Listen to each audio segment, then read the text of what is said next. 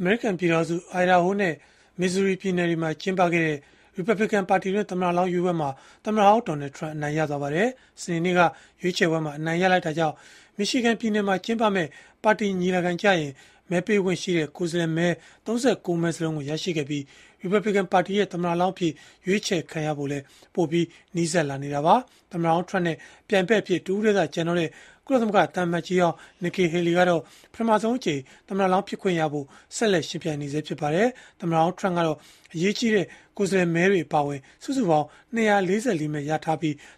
သံအမတ်ကြီးဟောင်း Haley ကတော့ ၂၄မဲသာရရှိထားပါတယ်။